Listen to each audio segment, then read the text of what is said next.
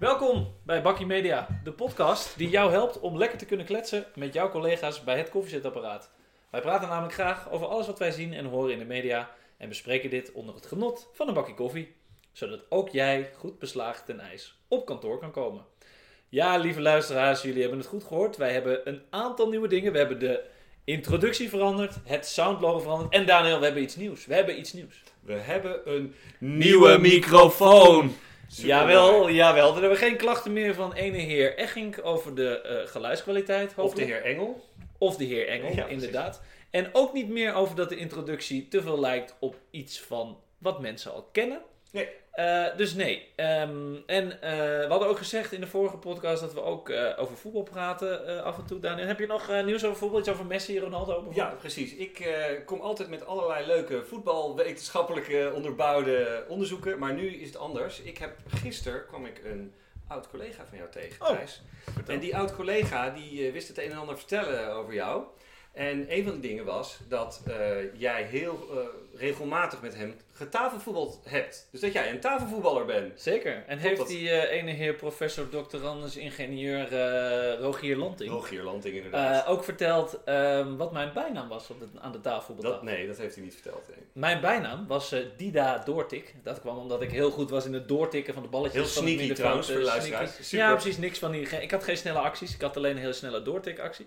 En heer Lanting zelf heette ook meneer Terugtik. Want die was de koning van de ballen terugtikken vanuit de verdediging. Dus Oh, oké. Zo is dat begonnen. Maar eh, hoe, hoe kom je zo op dat onderwerp? eh? Nou, ik ken natuurlijk eh, Rogier nog van de middelbare school. En Ah. nou ja, hè, aardige tafelvoetballer. Maar ik vond mezelf eigenlijk ook wel een behoorlijk goede tafelvoetballer. Dus eigenlijk wil ik je bij deze uitdagen. challenge. Het is een challenge om gewoon een, eh, een soort van battle te doen. Van wie de beste tafelvoetballer is. En dan de winnaar die krijgt dan een of ander heel obligaat... eh, Misschien een bokaal of zo. Nee, maar ik zat gewoon meer te denken aan een, eh, een boek van een of andere marketing. Oh ja, leuk ja. Iets van How Brands Grow. Die heb je dubbel, toch? Ja, die heb ik dubbel en die, die krijg jij dan van mij. Nou, wat maar leuk, dat hè? gaat niet gebeuren, want ik denk dat ik dan iets van deze plank hierachter kan, kan uitzoeken, toch? Ja, ja zeker. Nou ja, oké, dus dat kunnen we doen. Ehm, maar even iets heel anders. Ik heb in het kader van bijnamen heb ik ook weer iets gevonden van een bijnaam. Ik heb een eh, campagne gezien deze week van Maradoni. Ken jij Maradoni? Oh, Maradoni, dat is die eh, documentaire over Maradona. Nee, dat is niet de documentaire over Maradona. Nee. Nee, Maradoni is een, eh, is een, eh, ja, een hippe influencer. Volgens mij deed hij ook iets in eh, de campagne van eh, Koning Toto. Koning Toto. Superleuk. Maar ik wil je heel even kort een fragment laten horen van Maradoni. Om te kijken of je deze eh, gehoord hebt. Nou, daar komt hij hoor. Daar Maradoni. komt hij dan, Maradoni. Ik heb uit vertrouwelijke bron vernomen dat je serieuze cash kan maken bij New Pizza als bezorger. En dat je nog meer money kan maken samen met je matties. Ga even haven en aanzoeken hoe dat nou zit. Let's go. Lekker! Maradoni, ja, dat Ja. is dus een nieuwe campagne van eh, eh, New York Pizza die op zoek gaat naar bezorgers. En eigenlijk heeft besloten van, nou, we gebruiken Maradoni, want die kan zo lekker de, de straat uit praten, lekker money maken met je matties. Nou, Wat vind je ervan, Daniel? hij klinkt een beetje als Lange Frans, vind ik eigenlijk. Maar eh, dat is denk Baat ik... B, Lange Frans. Ik denk niet dat Lange Frans allemaal eh, New York pizza bezorgers gaat binnenhalen. Ja, wat vind ik ervan? Ik, ehm, ik, ik, ik hink een beetje op twee gedachten. Aan de ene kant Maar doe je al vaker. ja, nee, maar ik bedoel, ik, eh, ik merk bij mezelf dat ik er enige weerstand tegen heb. Eh, en tegelijkertijd voel ik ook wel dat dit ook wel een manier, ehm, een manier is die gewoon heel erg past bij een jongere doelgroep die uiteindelijk op die scooter moet gaan zitten en die pizza moet gaan bezorgen. Dat, Ja. dat, dat voel ik wel. Eh, tegelijkertijd vind ik het ook een beetje makkelijk. Ik vind het een beetje, een beetje lui misschien ook wel. Van oké, eh, wij gaan een beetje eh, doen alsof Ja. eh, wij iemand zijn die dan heel erg aansluit bij die doelgroep. Maar ondertussen is het een beetje gemaakt, een beetje gezocht. Maar het is goed gemonteerd en het, eh, ja, het past ook wel weer in de, in de traditie van influencers, eh, weet je wel, stuk tv, vloggers, die eh, op de werkvloer gaan kijken. Die gaan dan bij Defensie, bij de Special Forces meedraaien. Nou ja, en in dit geval is het dan New York Pizza. Dus Nou oké, ben ik met je eens. Maar ik, ik, ik, ik vond hem, aan de ene kant vond ik hem, toen ik hem de eerste keer zag, dacht ik, oh jammer, een beetje geforceerd, weet je wel. En dan denk je, nou, het is een beetje zoeken naar, ja, hoe bereiken we die millennials nou? Het is een beetje leuk doen om het leuk gevonden te worden. Maar aan de andere kant, hoe vaker ik hem zie, dan denk ik, ja, het is ook alweer heel knap uitgevoerd. Want het is wel, eh, naar mijn idee, hoe die doelgroep ook praat. Hè? Kijk, als je naar eh, de KFC of naar de Burger King of naar je New York Pizza gaat, is het wel zoals die, die, die gasten op die scootertjes. Lekker zo met elkaar praten met de patas en lekker met je monies. En dus in die zin is het ook wel weer heel erg slim. En om meteen een bruggetje even te maken. Ehm, we zien natuurlijk, eh, Koning Toto refereerde we al, al, al eventjes naar. Ik vraag me af ja, of dat eh, de, de juiste snaar raakt bij de millennials om dan eh, te gaan gokken op voetbalwedstrijden en sportwedstrijden. Maar het is wel een beetje de trend, toch? Ook met Tele2, Ja. met niet omdat het moet, maar Ja. omdat het kan. Ik bedoel, hashtag spon.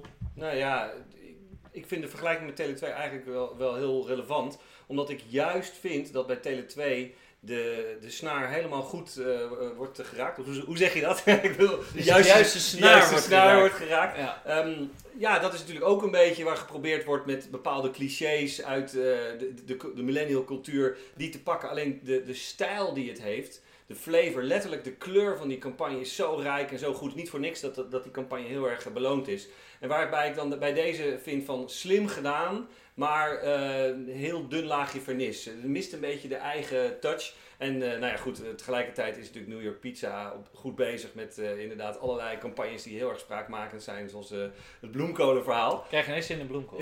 ja, precies. Nee, even wat anders. Ehm, hoe zouden de, de, de marketinggoeroes hierover denken? Wij pretenderen dat wij ook een beetje de nieuwe marketinggoeroes eh, van nu zijn. Hè? We zijn Absoluut. wij zijn natuurlijk enorme nerds. De marketing nerds. Daniel en Thijs eh, zijn ook building a brand en how our brands grow. Maar we hebben natuurlijk eh, op dit moment ja, een aantal hippe goeroes. Hè? Byron Sharp en Mark Ritson, die vaak tegenover elkaar staan. En we hebben jouw goede vriend, hoe heet hij ook alweer?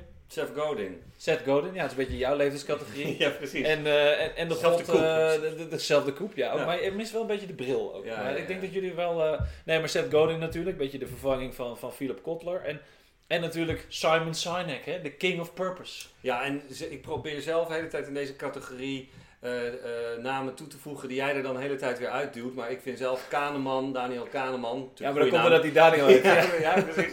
Eh, en Chialdini, eh, dat zijn een beetje toch de beïnvloedingspsychologie. we moeten ook niet te ingewikkeld maken voor de luisteraars aan. Ik bedoel, Cialdini, dat kunnen we beter in een blokje doen over neuromarketing en beïnvloedingstactieken dan dat we dat nu in een beetje de, de media marketinghoek gaan Klopt, maar ze beïnvloeden natuurlijk ook heel erg deze marketing. Ja, maar anders wordt onze podcast drie uur lang en dat Nee. willen we niet. Oké, maar eigenlijk zou je moeten zeggen van stel dat je al deze goeroes eh, bij elkaar roept en dan zeg je luister eens even goeroes.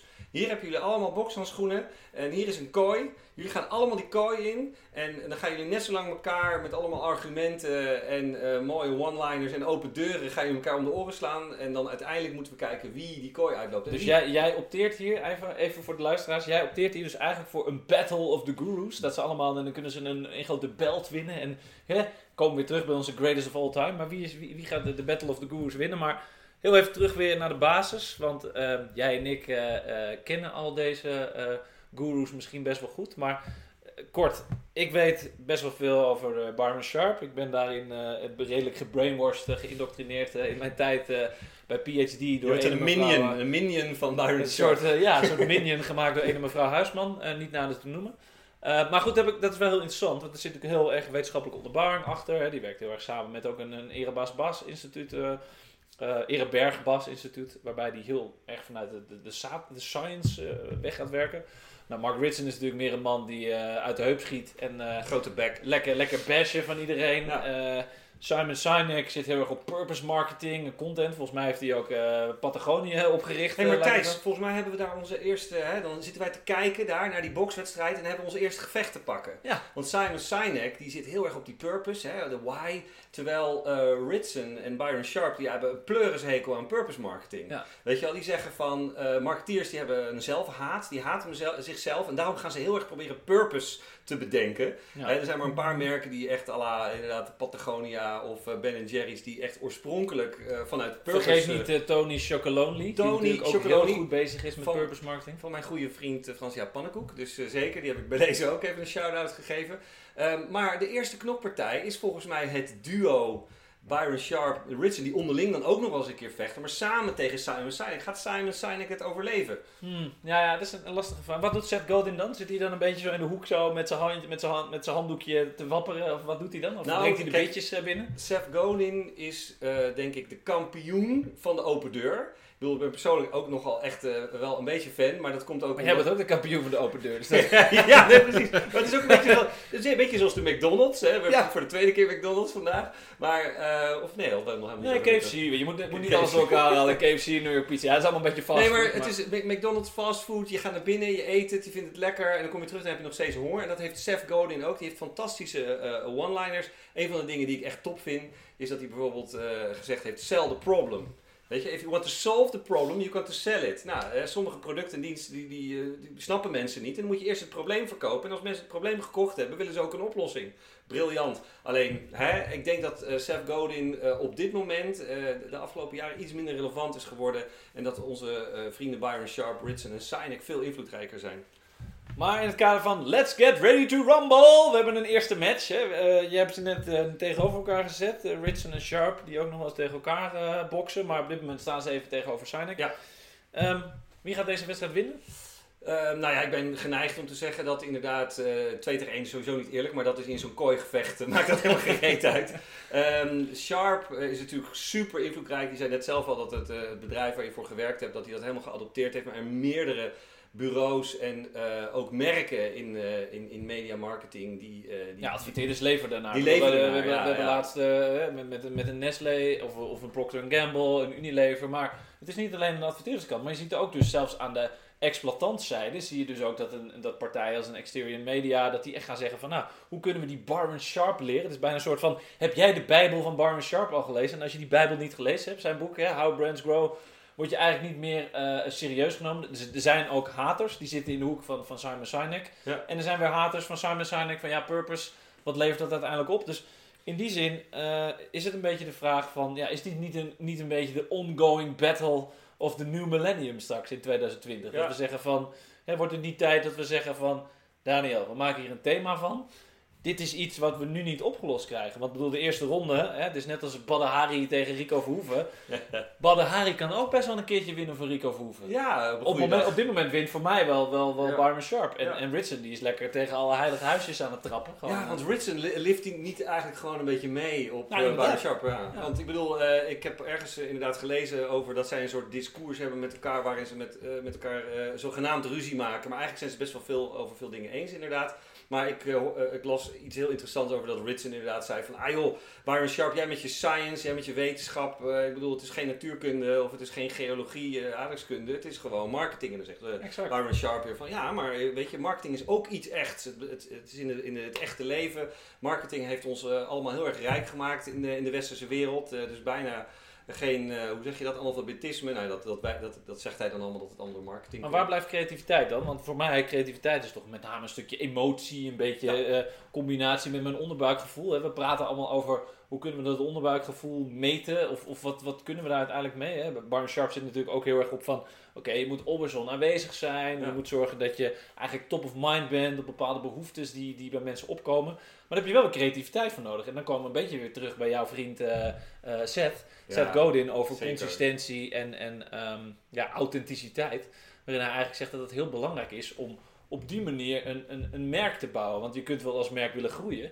Maar uiteindelijk heb je toch ergens creativiteit of emotie Ja. nodig om ook een merk te opmerking. te En, bouwen. en ik denk dat misschien ook een hele goede eh, opmerking daarin is, is dat de lange termijn is aangetoond dat vooral eh, eh, storytelling en em- emotie uiteindelijk op langere termijn rendeert. En op korte termijn is het vaak toch gewoon informatie hè? en meer praktische zaken die ervoor zorgen dat mensen bijvoorbeeld overgaan tot, eh, tot aankoop. Dus dat is iets eh, waar we ook eh, later nog eens een keer goed op, op in moeten zoomen. Maar ik vind het een goeie. Wat jij net zegt is die Battle of the Gurus, die houden we vast. Ja. We gaan daar eens eventjes dat Een in de terugkerend thema dat we wekelijks zeggen van hoe staat het daarmee? Hè? Hoe is, hoe is de world champion of the gurus? Who has the guru belt? Voor Ja. mij op dit moment heeft, als ik naar, gewoon puur naar de situatie in de markt kijk, is op dit moment Byron Sharp world champion of the gurus. Maar is het wel zo dat er gevechten zijn met Simon Sinek en Mark Ritson op dit moment die, die echt wel challengers zijn om, Ja. om hem van de troon te stoten. Dus Nou ja, en dan is uiteindelijk wat je zegt, Seth Godin die staat als eh, zeg maar die verzorger van Rocky met een handdoekje ergens in de hoek. En dan komt Daniel Kahneman met zijn Nobelprijs en die mapt iedereen gewoon. eh, Maar Daniel. Kahneman is dus eh, voor jou nog steeds een beetje de, de Drago. Maar ja, Ja. je weet uiteindelijk, uiteindelijk weet je dat Rocky, ook al is het zes, zeven films later, wint hij. Maar ehm, Daniel, ik, ik eh, moet je helaas teleurstellen, want we kunnen nog eh, urenlang eh, over deze bokswedstrijd doen. Maar het zit er alweer op voor vandaag. We zijn er alweer doorheen. De tijd vliegt toch altijd als het Oh, leuk is. Hè? Het is echt God. ongelooflijk. Nee, ja, precies. Dus die, die, die Battle of the Gurus die gaat maar door en daar, daar gaan we nog later nog over verder praten. Maar voor nu gaan we gewoon onze koffie in de, de afwasmachine zetten. En, Lieve luisteraars, er ik wil jullie wel vragen om ook aan te geven wie jullie guru is. Kijk, wij hebben hier natuurlijk een mening en wij, ja, wij zijn heel erg overtuigd van die van ons. Maar reageer gerust en laat ons weten wie voor jou eh, de battle wint. Ehm, voor ons zit het er vandaag alweer op, dus wij eh, gaan er een, eh, een, een eind aan breien. Wij gaan ons koffie opdrinken en van het zonnetje genieten. We wensen jullie verder nog een hele fijne dag en dank jullie wel voor het luisteren en tot de volgende keer. Doei! Hoi!